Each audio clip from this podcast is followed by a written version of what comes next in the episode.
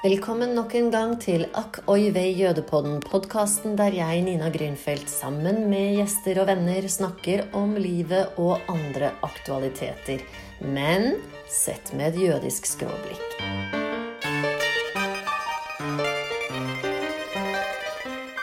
Katrine, utrolig hyggelig at du vil komme til meg og snakke med meg på Jødepodden om eh, en erfaring du har som jeg er veldig nysgjerrig på. Men før vi går dit, så tenkte jeg at du kunne fortelle meg kort hvem er du, Katrine?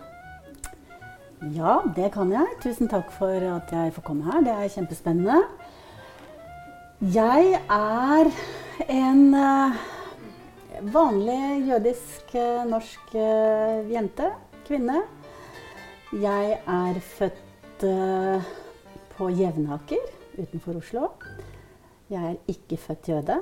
Jeg er konvertert for veldig mange mange år siden. I 87, tror jeg det var. 86-87. og har levd et veldig jødisk liv etter det. Men er født og oppvokst i en helt vanlig norsk familie. Var det en religiøs familie du vokste opp i? Nei. Eh, det var det for så vidt ikke. Eh, min farmor og farfar var veldig religiøse og tilhørte ikke statskirken, men en kristen sånn mindre menighet. Um, og mine foreldre var veldig, veldig, veldig uh, kulturopptatte.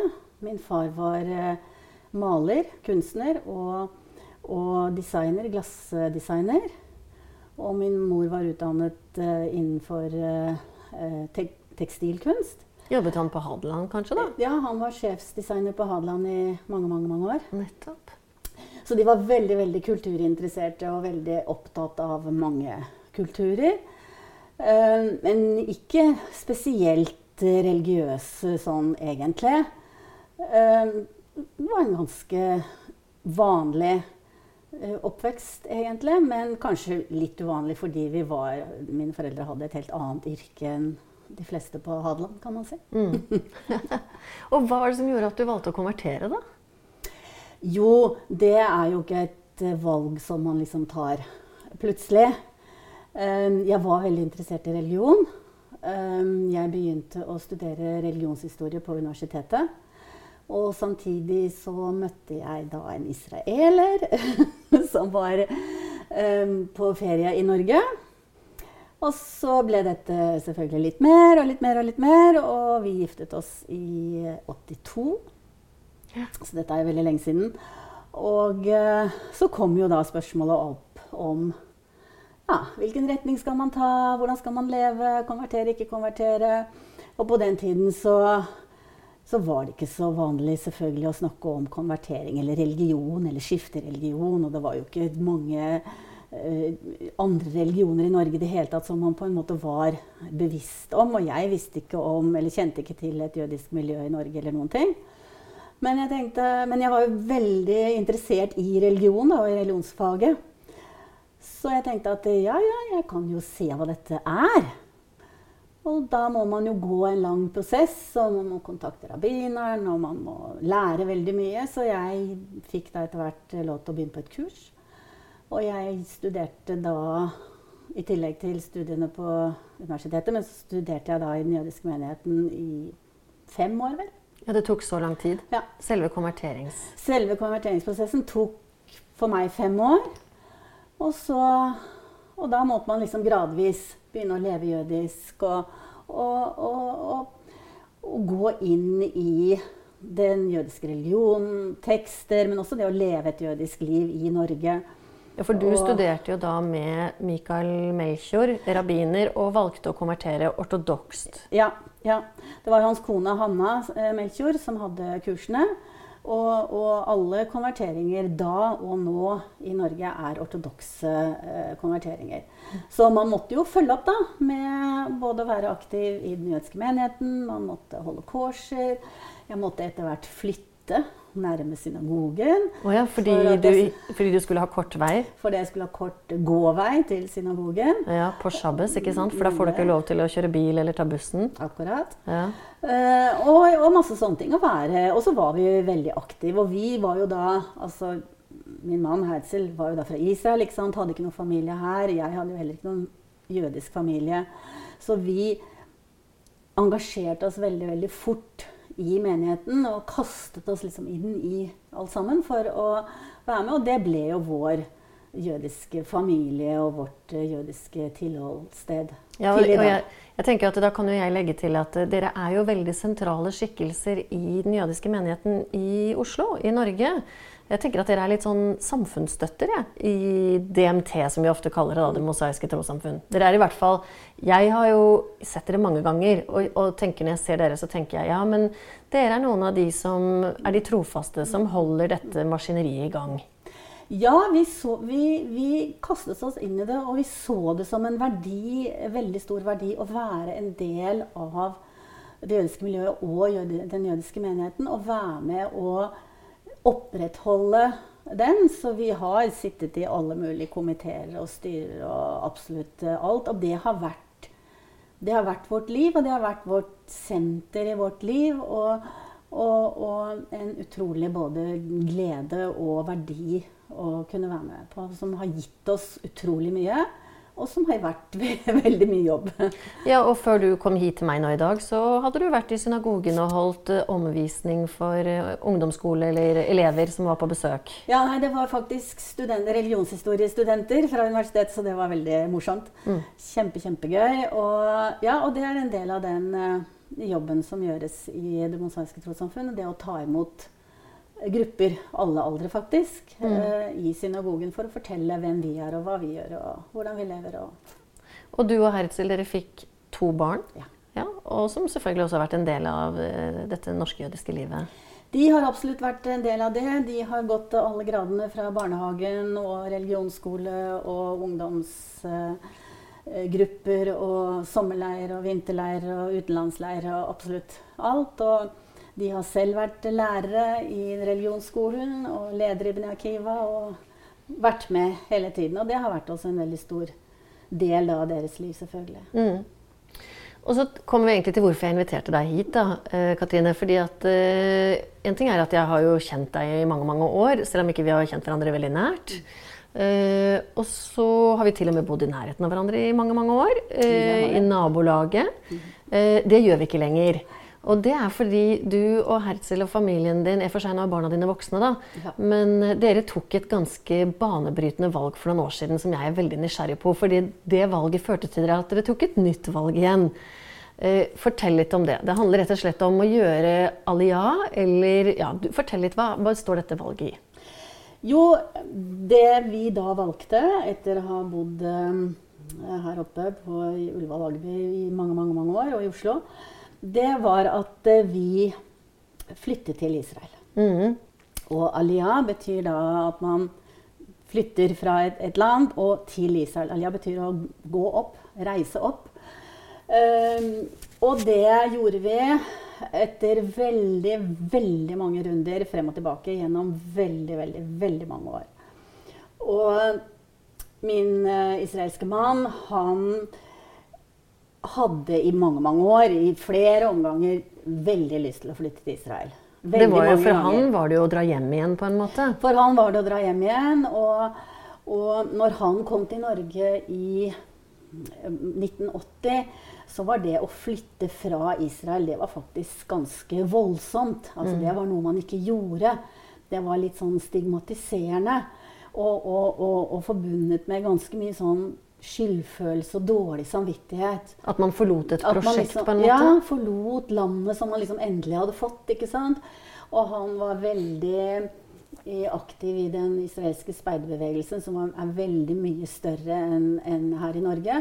Og veldig sionistisk, og han hadde jobbet med gatebarn, og han hadde jobbet med masse sånne ting. Og, men han hadde jo valgt å komme til Norge, da. Men han hadde liksom hele tiden den der ønsket om å og flytte tilbake. Mm. Men jeg studerte, og først måtte jeg jo ta grunnfag, og så måtte jeg ta mellomfag, og så måtte jeg ta hovedfag, selvfølgelig. Og jeg ble jo aldri ferdig. Og så fikk vi barn, og så begynte jo de på skolen. Og jeg ville ikke flytte til Israel da, med barna. Mm. De var små. Hvorfor ville du ikke det? Jeg turte ikke. Jeg ville ikke ha dem inn i det israelske skolesystemet. Jeg ville i hvert fall ikke av dem inn i militæret. Mm. Jeg kunne ikke språket godt nok, så jeg ville liksom ikke kunne delta på en ordentlig måte.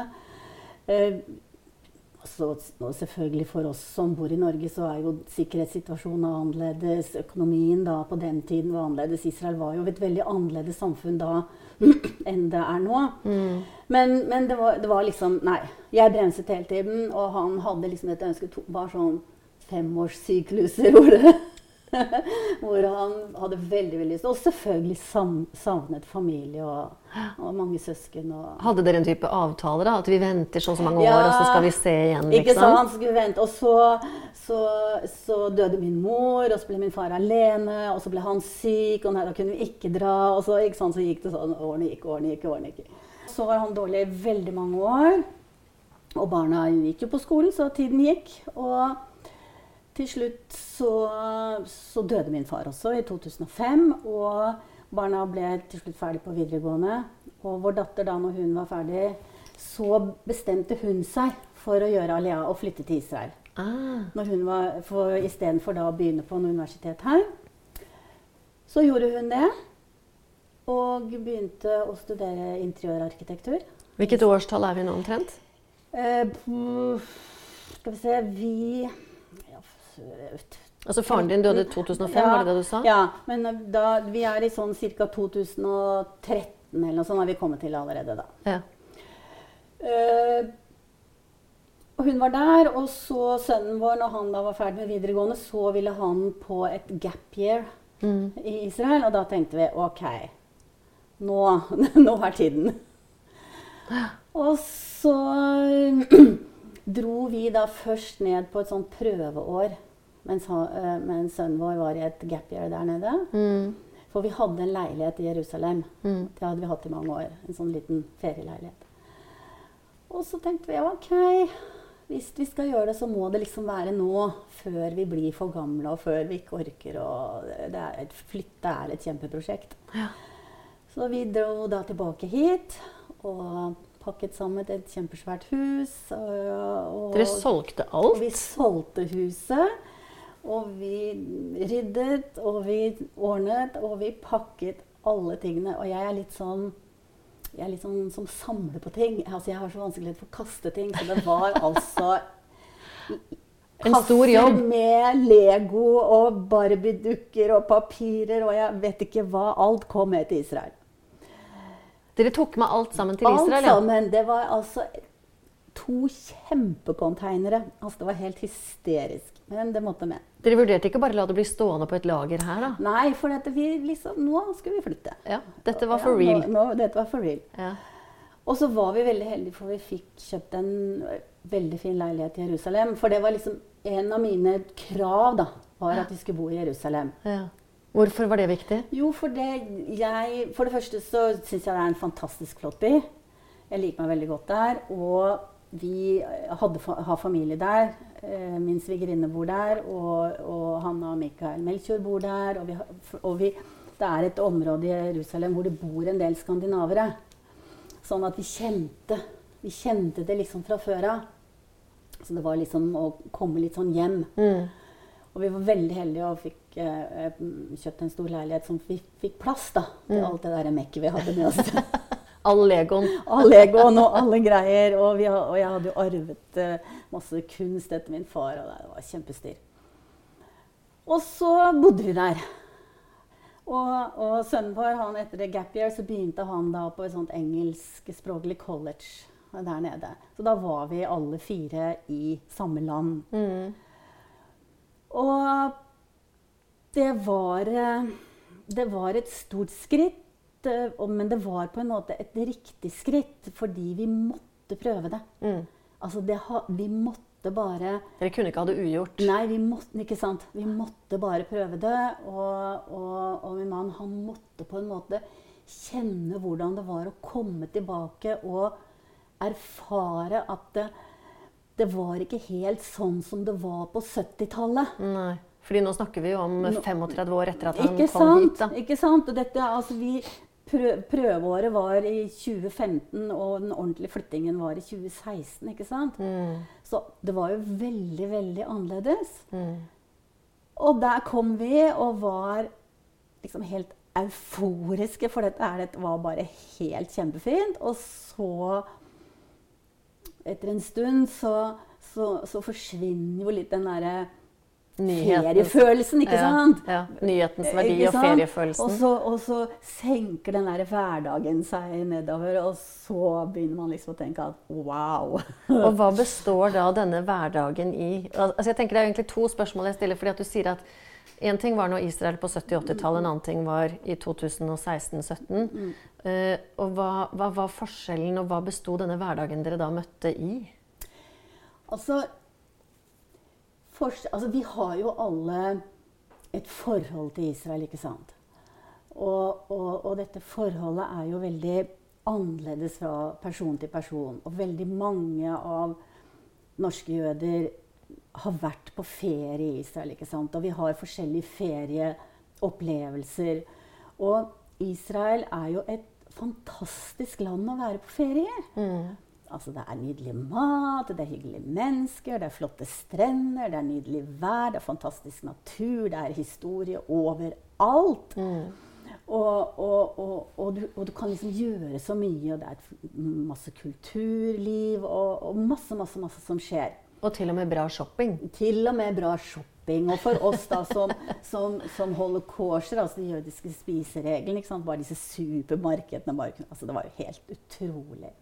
Så det er klart at det var veldig, veldig, veldig fint. Men, men det vi på en måte oppdaget, da, eller selvfølgelig erfarte, var jo at det, det å være turist og det å være bofast er på en måte helt to forskjellige ting.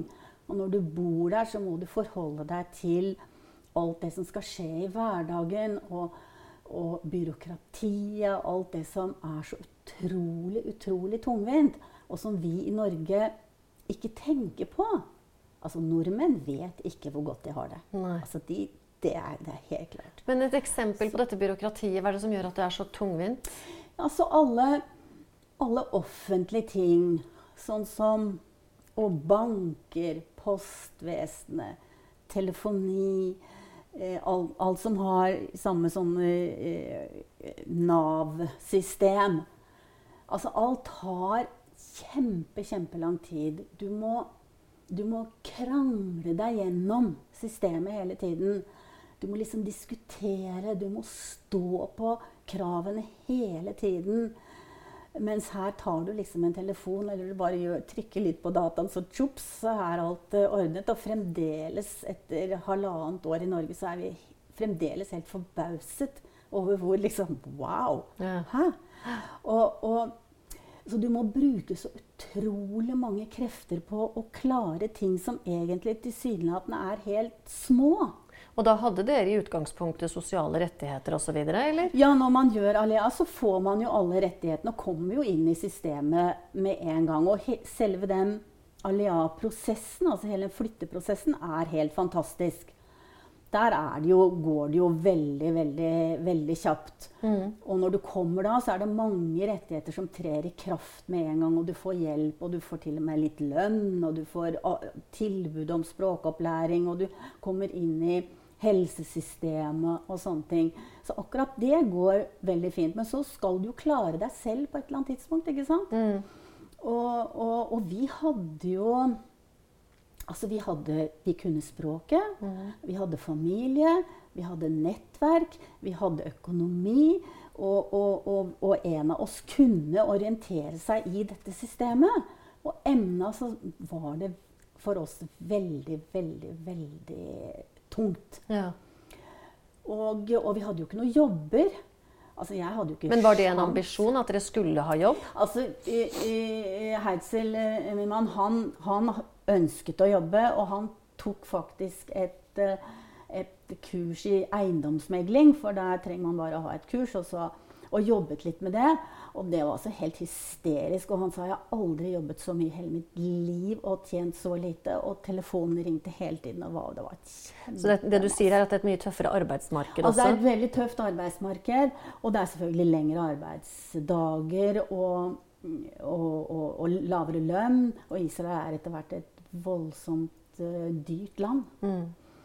Sånn at, uh, sånn at hele den biten var, var ganske, ganske, tøff. Det er klart at man venner seg til det. Mm. Men, men, men, men, man føler også etter hvert at det sliter veldig, veldig når man kommer fra et velordnet samfunn som, som Norge.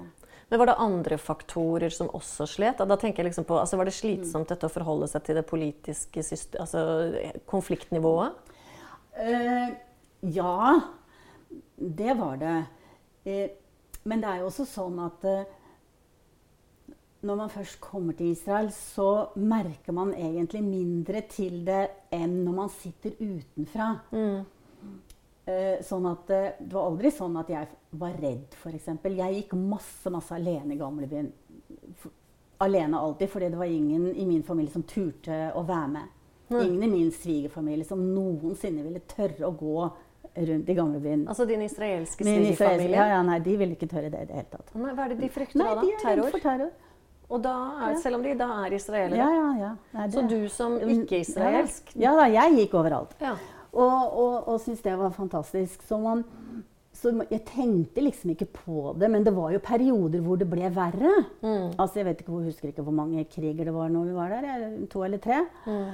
Og, og det er klart at da da merker du jo det. Og det er klart at da er det OK, nå, vi tar i hvert fall ikke bussen. Nei, vi går i hvert fall ikke der. Nei, nå gjør vi ikke det.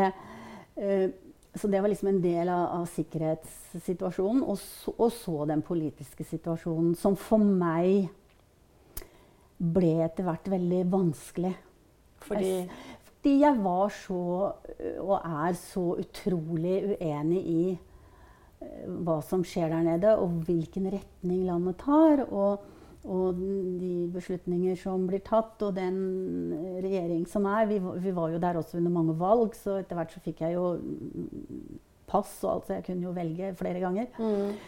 Eh, men det ble veldig, veldig tungt for meg, da, syns mm. jeg. Mm.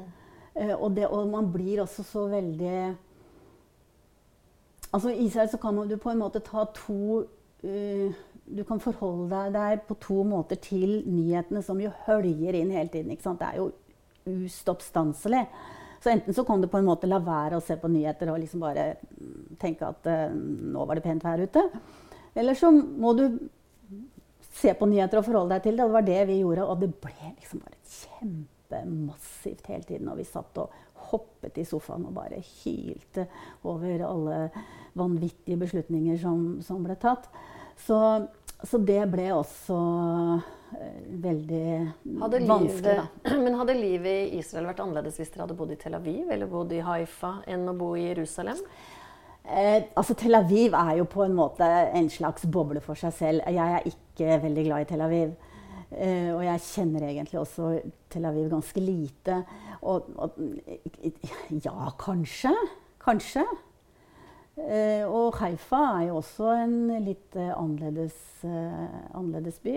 Vi mm. kunne jo, og, tenkte litt sånn innimellom Kanskje vi skulle flytte opp til Nord-Israel, hvor det er liksom litt mer på landet. Mm.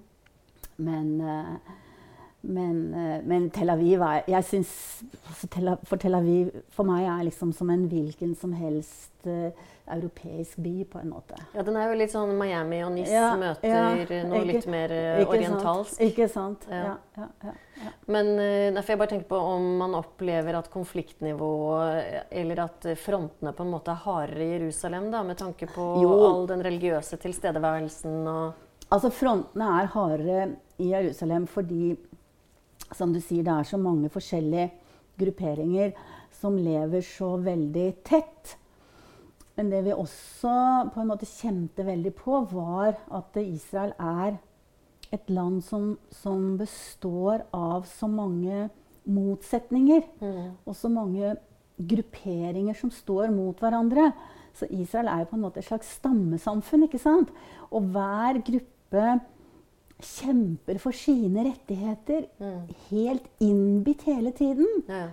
Og det er jo det vi på en måte ser nå også. Ja. Og, og, og sånn at det, det ble så veldig mange konflikter rundt hele tiden som du må, syns jeg, da, forholde seg til. Det er på en måte når du Syns jeg at når man bor i Israel, så, så må man Man kan ikke bare si som israelere sier Ja, dette går bra. Eller ja, Gud er stor, så dette går kjempefint. Altså, du må forholde deg til det. Og jeg ble helt uh, utslitt av det. Så hva var det som eh, fikk dere til å Altså Hvor lang tid tok det da før dere begynte å lure på å rev revurdere valget deres og vende, vende nesa nordover igjen? Ja, så kom jo koronaen midt oppi alt dette her, da. Selvfølgelig.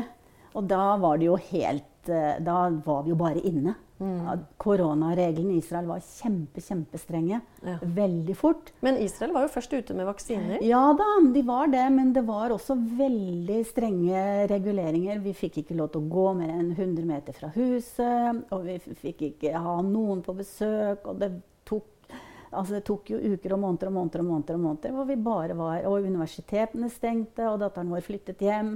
Da hadde hun mellomtiden begynt på en kunstutdannelse i Jerusalem. Og det ble jo stengt. Og alt vi, vi var bare vi tre hjemme. Og da hadde sønnen vår reist til, flyttet tilbake til Norge, så han var her. Og det var liksom bare helt Så Ja, så vi 2020 Mm. Da satt mannen min en dag i sofaen og så sa Nei, dette går ikke. Vi må reise hjem. Og jeg var bare Ja, det må vi faktisk! Veldig fort. og, så, og så så begynte vi å tenke at nei, vet du hva, dette får vi ikke til. Nei. Altså vi, vi orker ikke. Vi orker ikke den derre intensiteten. Det blir, er for dyrt å bo her. Mm. Og jeg begynte også å tenke på at jeg tør ikke å bli gammel i Israel. Nei. Og jeg tenkte også på at hvis jeg skulle blitt alene, f.eks. Ja. Jeg hadde ikke klart meg. Jeg hadde ikke hatt sjans. For hva innebærer det å bli gammel i Israel? Ja, For det første er det jo eldreomsorgen er kjempedårlig. Mm. Og eh, de, man har jo ofte eh, Veldig mange har en, en, en, en eh, sånn slags sykepleier eller pleier fra Filippinene eller et eller annet sånt som bor hjemme. Men hele systemet er jo veldig dårlig. Men jeg hadde jo ikke klart å forholde meg til, til det offentlige, ikke sant? Ja. Altså, jeg hadde jo ikke klart det. Jeg, altså, jeg, klarte, altså, jeg snakker hebraisk eh, helt greit, supergreit, men jeg, jeg leser for dårlig. Så jeg, kunne, jeg hadde ikke klart å forholde meg til offentlige dokumenter og banker. Og jeg begynte å tenke på det. Jeg fikk helt angst og tenke at dette For jeg tenker at ikke sant, Det er jo et helt annet alfabet og alt dette som gjør at du er nødt til å kunne det. Jeg, i for seg Det er jo mange i Israel som er ganske gode i engelsk. Men det er Ja. vel kanskje noe med, med, med gemyttet òg? At det er ganske tøft å Ja, stå ja, ja. i det Ikke gemyttet. sant? Ja. Det er nettopp det. Og jeg er veldig flink til å kjefte og hyle på eh, hebraisk, men, men, men allikevel å møte hele det eh, systemet Så jeg tenkte at nei, det, det tør jeg ikke. Nei. Så da eh, begynte vi å tenke oss litt om, og så i, på våren 2020 så solgte vi leiligheten i Jerusalem. Ja. Og i Israel så er det sånn at det er ikke overtagelse veldig fort, så det tar liksom nesten et år før det er overtagelse. Så da begynte vi å tenke ok, hvor skal vi bo, hvordan skal vi gjøre dette her? Så jeg liksom tenker, ok, vi vil gjerne bo litt utenfor eh, Oslo. Og, og, og, og dette var jo fremdeles korona, så vi kunne jo ikke reise så mye frem og tilbake da. Så vi begynte å se litt på, på finn.no og litt sånne ting. Og så sendte litt uh, venner litt sånn rundt omkring. Og så mm, fant vi et område, og så fant vi en annonse, og så sendte vi noen venner. Og så kunne ikke vi komme til Norge og se på huset, så de gikk rundt og filmet. Og vi sa OK, dette ser fint ut. og så la vi inn et bud, og så kjøpte vi hus da, utenfor Oslo. Utenfor Oslo. Så det ble ikke tilbake til Hagebyen, da? Det ble ikke det, for det vi ville gjerne litt grann eh, utenfor. Ja. Mm. Men eh, fikk du med deg all legoen, da? Da all legoen og all sammen kom tilbake i to megakonteinere. Og, og um, det var jo en voldsom Altså, det å flytte er jo veldig voldsomt. Det, Ja. Så vi brukte jo lang tid på å pakke og, og sånne ting. Men, um, men det, det gikk fint. Så i august 2021 så kom jeg tilbake. Så nå har dere vært hjemme igjen i Norge i halvannet, drøyt halvannet Ja. år, da. Ja. Men så tenker jeg Katrine, at eh, dere er jo ikke de eneste som velger å reise fra Israel. Mm. Jeg snakket med en venninne i går som jeg vet at du også kjenner. Og hun har kjøpt seg leilighet her i Oslo. Hun er jo opprinnelig fra Oslo. Og mannen hennes han eh, har nå fått seg engelsk pass, men England har jo hatt sin brexit. Så i en sånn EU-sammenheng så er jo ikke engelsk pass Mm. Nei, så attraktivt ikke- lenger. Det det. Så han har også sørget for å få sitt østerrikske pass, fordi mange jøder Mm. jo faktisk har krav på å få tilbake statsborgerskap som ble frarøvet dem under krigen. Ikke sant? Og det har vi snakket om her i podden tidligere også, ikke sant? at du møter israelere både i Berlin og i Praha Mm, som har fått tilbake sine statsborgerskap. Og det er jo ganske mange nå franskmenn som velger å reise tilbake til Frankrike. Mm, Eh, Hva tenker du om dette? Nei, jeg hører jo nå at det er veldig mange som faktisk eh, ønsker å reise fra Israel. Og jeg tror de sa på nyhetene for eh, forrige uke eller uken for der at, at det aldri hadde vært så stor tilstrømning til det å søke om pass og, og, og flytte ut av landet som nå. Det skjer jo noe veldig dramatisk eh, nå eh, når det politiske landskapet er så drastisk og så voldsomt som det er nå. Nå har det jo blitt eh, mye, mye verre enn det var når vi bodde der. Eh, sånn at eh, jeg tror at vi vil se at det er mange nå som ikke orker eller vil være med på dette lenger, og som flytter, og som flytter ut.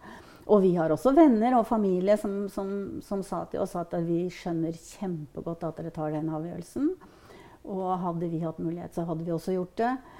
Um, og det er klart det er mange som blir, står i spennet mellom at de har familie, de har kanskje foreldre som er litt eldre. ikke sant? Og, og, og mellom det og det å prøve eller bo et annet sted.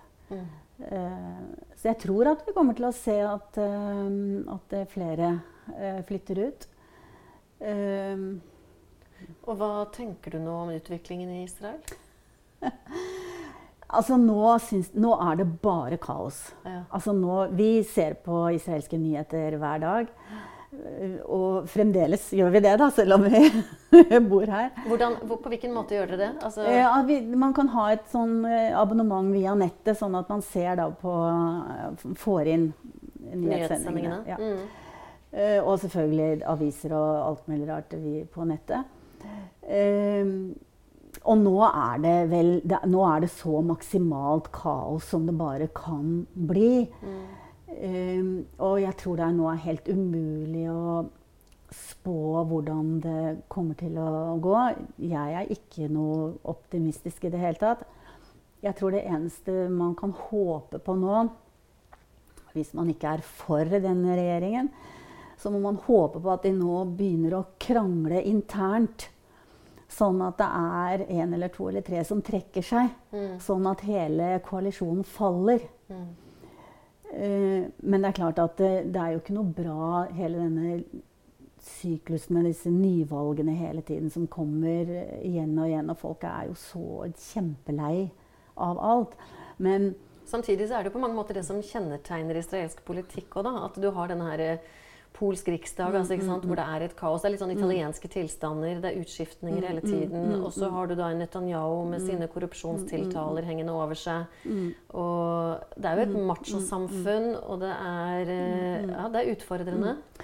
Det er voldsomt utfordrende. Og det er igjen dette med at det er så mange ulike grupper som står mot hverandre, og som ikke klarer å samarbeide, og som ikke klarer å samle seg. Og det er jo en tragedie at venstresiden ikke har klart på veldig lenge å samle seg og gjøre en ordentlig felles innsats, men er blitt for fragmentert.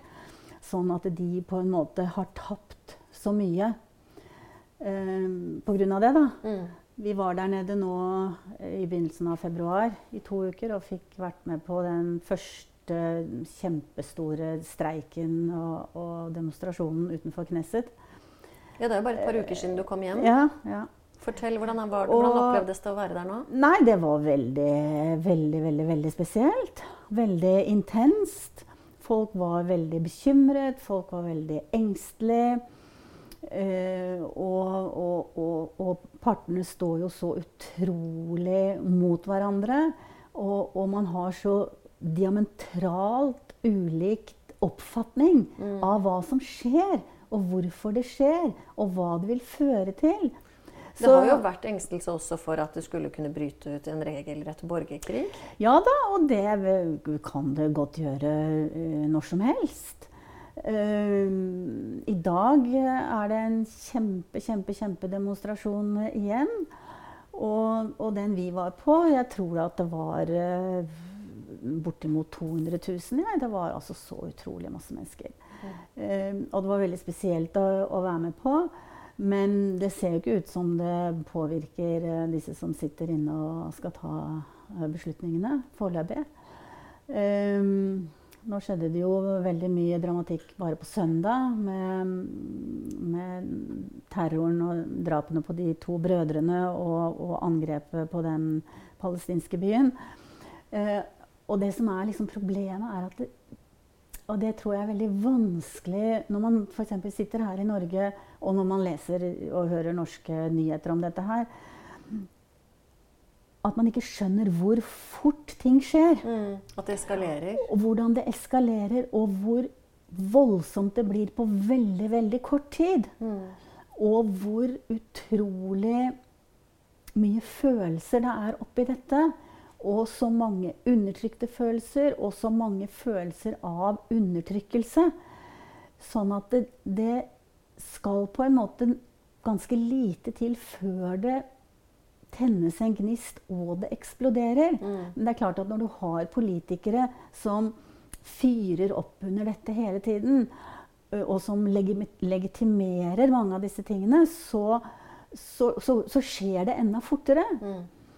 Og, og vi traff da mennesker som, som var helt fortvilet og, og, og var helt eh, Visste ikke hvor, hva de skulle gjøre. Samtidig så hadde vi en drosjesjåfør da, som kjørte oss til flyplassen når vi skulle dra, som, var, som sa å, dette er kjempefint, og Netanyahu, det er ingen som han og han. Verden vil skjønne hvor fantastisk han er, og dette er superbra. Ikke sant? Så det er, det er disse eh, motpolene hele tiden som Men er det ikke når du Jeg tenker bare Ikke fordi jeg skal klassifisere verken vennene dine eller taxisjåføren, men er ikke dette også et eh, type klassefenomen? Altså, vi vet jo at uh, høyreekstreme appellerer jo til visse deler av samfunnet. Og du har de religiøse, du har de arbeidsledige. Det handler også til dels om utdannelsesnivå. Eh, hvordan påvirker dette det israelske samfunnet i et slags sånn klasseperspektiv? Altså det er klart at det israelske samfunnet er et voldsomt klasseinndelt samfunn. Det er store klasseforskjeller. Og du snakket om Tel Aviv, ikke sant? Som, som lever i en helt annen verden i forhold til de ultraortodokse i Jerusalem f.eks. Altså det, er jo- de har jo- det er jo ingen møtepunkter i det hele tatt. Um, og det er klart at eh, ja, dette kan nok også være mye eh, klassebetinget. Ehm, det er jo også politikere nå, spesielt en politiker, som fyrer veldig opp om forskjellen mellom ehm, europeiske jøder og orientalske jøder, altså jøder og sefardiske jøder, og som bruker nå dette eh, i, i hele det politiske spillet. Og da liksom blir det enda flere eh, motsetninger. Så tenker jeg det fins en, en, en interessant ting som jeg har tenkt på innimellom. Altså? For du sier at det fins ingen møtepunkter mellom de ortodokse og de, de mer sekulære på, i Tel Aviv. Da. Samtidig så er det delvis min erfaring at uh, i min oppvekst Jeg er jo født på midten av 60-tallet, og du er kanskje et par år eldre enn meg. Men uh, så fantes det også i vår generasjon nesten som om det var litt sånn status at ett eller to eller noen av dine barn valgte å bli religiøs.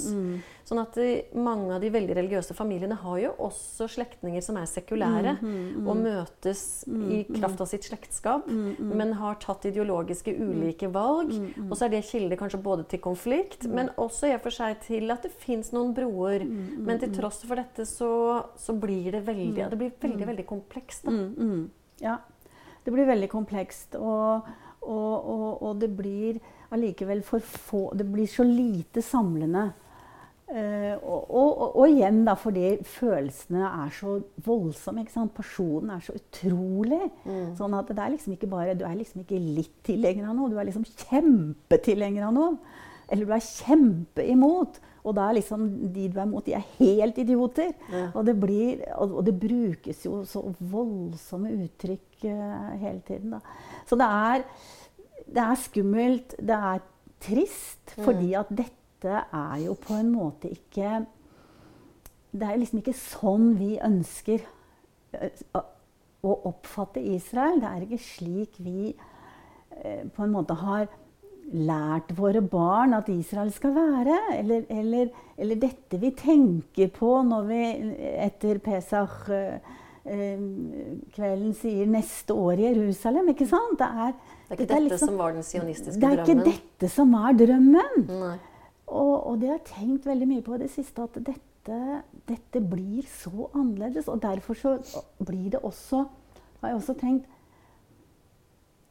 Hvordan skal vi nå, når vi f.eks. bor i Norge, hvordan skal vi kunne snakke om Israel med ikke-jøder, f.eks.? Hvordan skal vi forsvare Israel? Hvordan skal vi forholde oss til dette i det hele tatt? Fordi vi for dette har også noe å gjøre med, tror jeg eh, Hva vi orker, hva vi tåler, på en måte. At Israel er og ikke er. Ja. Og det, det var akkurat det jeg ville spørre deg faktisk om nå. fordi at eh, jeg ville spørre deg, Hvordan var det å komme hjem igjen til Norge og skulle forklare dine ikke-jødiske venner hvorfor dere valgte å komme hjem? Hvordan møter, de, hvordan møter du din norske omverden i dag med den erfaringen at du reiste dit og kom tilbake? Eh, nå, eh, nå Jeg har skrevet eh, en del på Facebook om dette i løpet av eh, oppholdet vårt. Og, og eh, mine norske venner, de, de snakker egentlig veldig lite om Israel. Og jeg tror nok kanskje at eh, eller Jeg mistenker, men jeg har ikke spurt dem direkte, men at de kanskje er litt grann redd for å si kanskje hva de egentlig mener, fordi de kanskje tror at det skal såre eller et eller annet. Hvis jeg, når jeg har skrevet en eller annen ut, uttalelse på Facebook, og jeg ser hvem som på en måte kommenterer eller ikke, så er det aldri noen av mine ikke-jødiske venner som sier noe. Jeg tenkte, hva? Du har helt sikkert meninger om det. Hvorfor Men du kan noe? ikke spørre dem direkte, da? Jo, jeg, det, jeg har veldig lyst til å gjøre det. Ehm, men, men, men de fleste er glad for at vi er kommet tilbake, fordi de jo har ansett det å bo i Israel som kjempefarlig. Ja. Ikke sant? De har vært redde for Eh, dere? De har vært engstelige, og de har syntes at dette her har vært eh, kjempeskummelt. Og det er klart at eh, når vi har sittet i Israel og lest norske aviser, så har vi jo tenkt altså, hallo! Hva, de, de skjønner jo ikke bæret. Mm. Og, og, og norsk media er jo helt uh, forutinntatt. Mm. Og den, det språket de bruker, er jo helt konsekvent negativt i, til Israel. Altså i enhver sammenheng.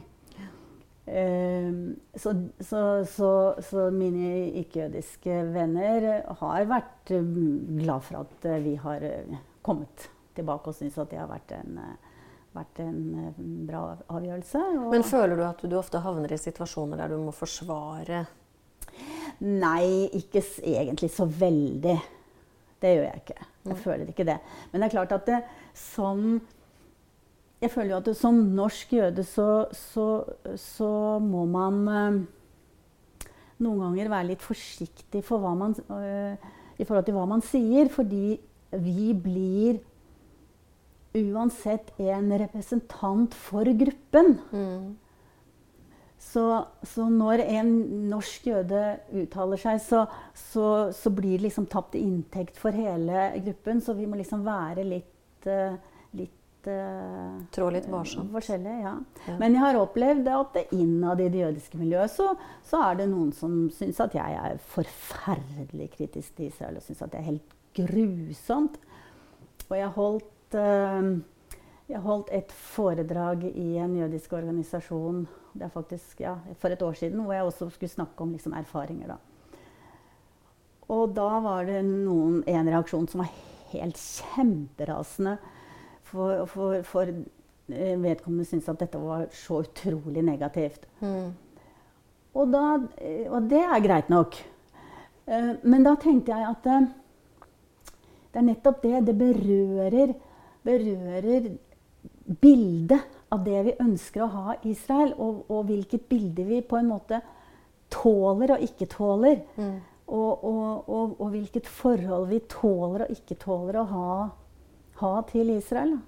Men jeg tenker på mannen din Herzl, som Mm. jo eh, Så vidt jeg vet, så kommer han fra iransk bakgrunn. Irak. Irakisk, ja. ja. Så han er jo det som vi kaller for mesrahim, som Mm. er en Mm. Midtøsten-bakgrunn. Mm, mm, mm. Eh, men er født og oppvokst i Israel. Ja. Eh, jødene i Irak ble jo stort sett kastet ut på 1950-tallet. Ja så jeg tror ikke det er noen omtrent igjen ja, Nei, i jeg det Bagdad. er noen, ja. Nei. Nei. Men, og nå skal ikke du uttale deg på hans vegne, men jeg tenker det er jo likevel interessant. Nå hører jeg jo dine tanker og dine erfaringer. Eh, han har jo valgt da å forlate det for annen gang, Mm, mm. og denne gangen kanskje for godt. Mm. Hva, hvordan opplever du hans situasjon i dag? Nei, han, nå er han jo bare helt kjempelykkelig. Fordi, for at han er tilbake. Ja. Og syns det er veldig, veldig deilig. Og, og, og kjenner nok på den skuffelsen eller den frustrasjonen over at, at, at vi måtte gi opp, og at det ble så At Israel var så annerledes. Men, men kjente vel kanskje også på det når han kom ned, at, hvor norsk han var blitt. Mm, Fordi han jo tross alt da hadde bodd her siden eh, 1980, ikke sant? ikke sant? Så han hadde jo egentlig bodd mye lenger her enn han hadde bodd i Israel. så, så, så han kjente nok veldig på det, og, og han er kjempefornøyd med at vi har flyttet tilbake og syns det er deilig. Katrine, tusen takk for at du ville komme og dele dette med meg. Det jeg tenker nå, vet du, det er jo at eh, ja, dere pakket ned alt sammen. Legoen og hele Rubel og Rake dro av gårde. Dere måtte gjøre det. Dere, måtte ha, dere kunne ikke ha det ugjort. Og så tenker jeg at det er faktisk en god sånn skivettregel som kom dere da til, kall det kanskje unnsetning, nemlig det er ingen skam å snu. Det er helt riktig. Så dere valgte jo faktisk å snu. Ja. Uh, og jeg vet jo at det er det veldig veldig mange i det jødiske samfunnet som er veldig glad for, fordi Mm. dere er veldig høyt verdsatt og elsket. Så jeg er veldig glad for at dere kom hjem igjen, da.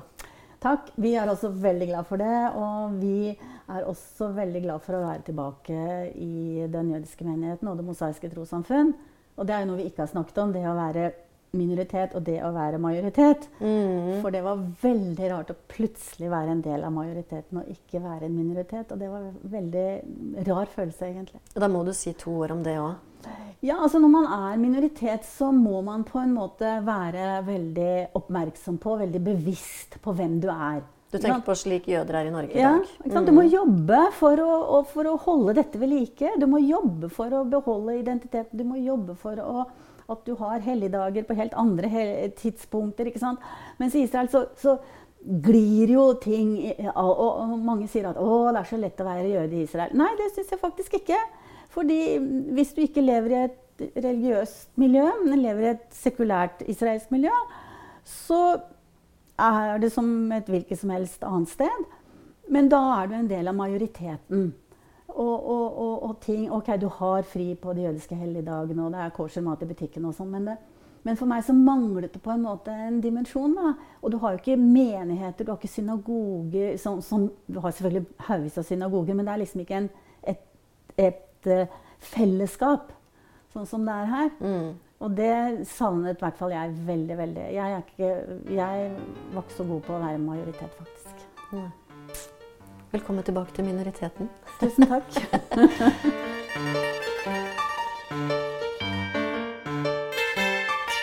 Takk for at du lytter til AKIV Jødepodden. Om du liker denne podkasten, kan du trykke 'abonner' i din foretrukne spiller. Da vil du motta beskjed om når neste episode blir publisert.